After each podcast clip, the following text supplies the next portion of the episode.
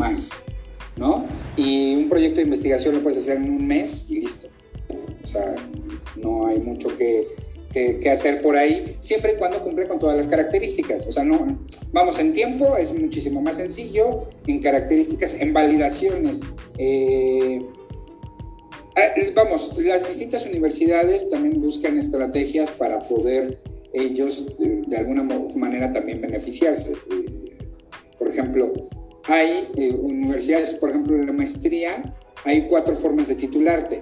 Una es un proyecto de investigación que sea publicado en una revista académica o en una revista de investigación eh, eh, científica. Dos es la tesis. Tres es un trabajo que se presenta. O cuatro es el trabajo final de maestría, que viene desde un protocolo de investigación. Es decir, cada uno tiene sus variantes, pero por ejemplo el último, el trabajo final de maestría, también te lo puedes echar igual en una semana. ¿no? Entonces, eh, una es el tiempo y dos son las posibilidades de...